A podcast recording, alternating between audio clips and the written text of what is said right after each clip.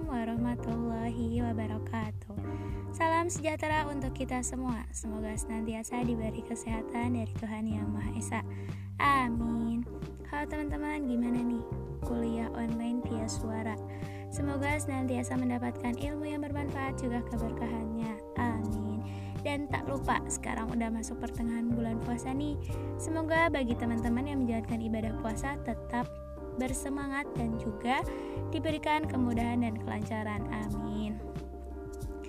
Halo, kembali lagi dengan suara saya Nita Raspiniah dengan NIM 1903452 Pendidikan Kewarganegaraan Universitas Pendidikan Indonesia.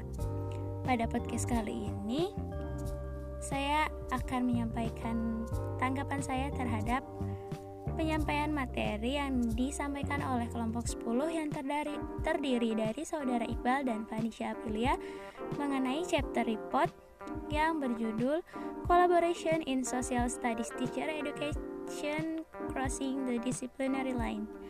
Baiklah, saya mengapresiasi kepada kelompok 10 yang telah berusaha untuk menyajikan materi dengan baik dan memang menurut saya cukup baik dari segi podcast maupun penampilan Salindia akan tetapi menurut saya dalam penampilan Salindia atau PowerPoint alangkah baiknya apabila terdapat apabila kita menyajikannya hanya poin-poinnya saja dan tidak dituliskan keseluruhan dari penjelasannya karena saya melihat dari penampilan Salindia ini yang disampaikan oleh kelompok 10 sepertinya semua slide-nya berisi tulisan-tulisan yang sangat penuh apalagi pada slide keempat.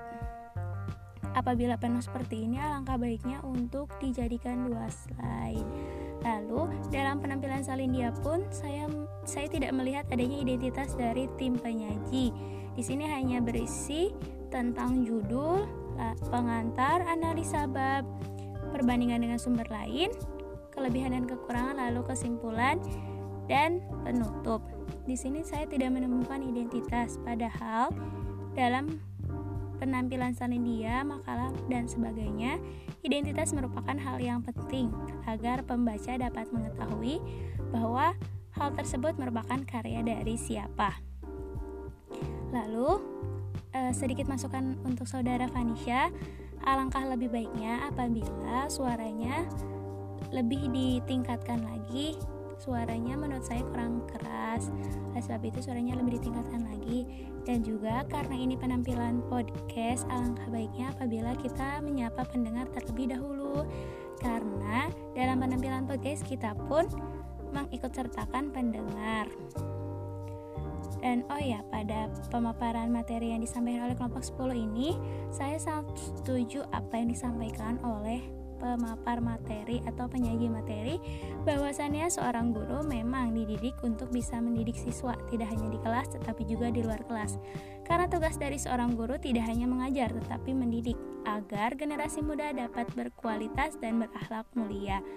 Dan juga bahwasannya dalam pelaksanaan pembelajaran kolaborasi antara guru memang sangat penting agar menghasilkan komponen yang kuat dan metode yang tepat dan tak lupa dalam penyampaian kolaborasi tersebut perlu yang namanya komunikasi. Karena tanpa komunikasi, jalinan kolaborasi takkan pernah terjalin.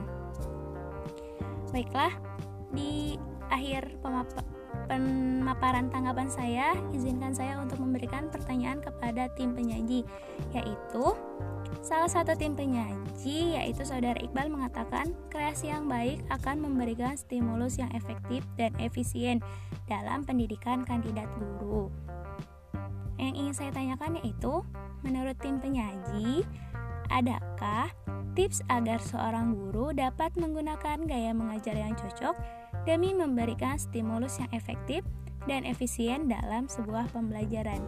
Mungkin cukup sekian tanggapan dan pertanyaan dari saya. Kurang lebihnya mohon dimaafkan.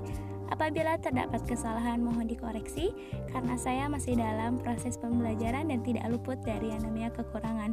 Wabillahi taufiq wal hidayah. Wassalamualaikum warahmatullahi wabarakatuh. Terima kasih.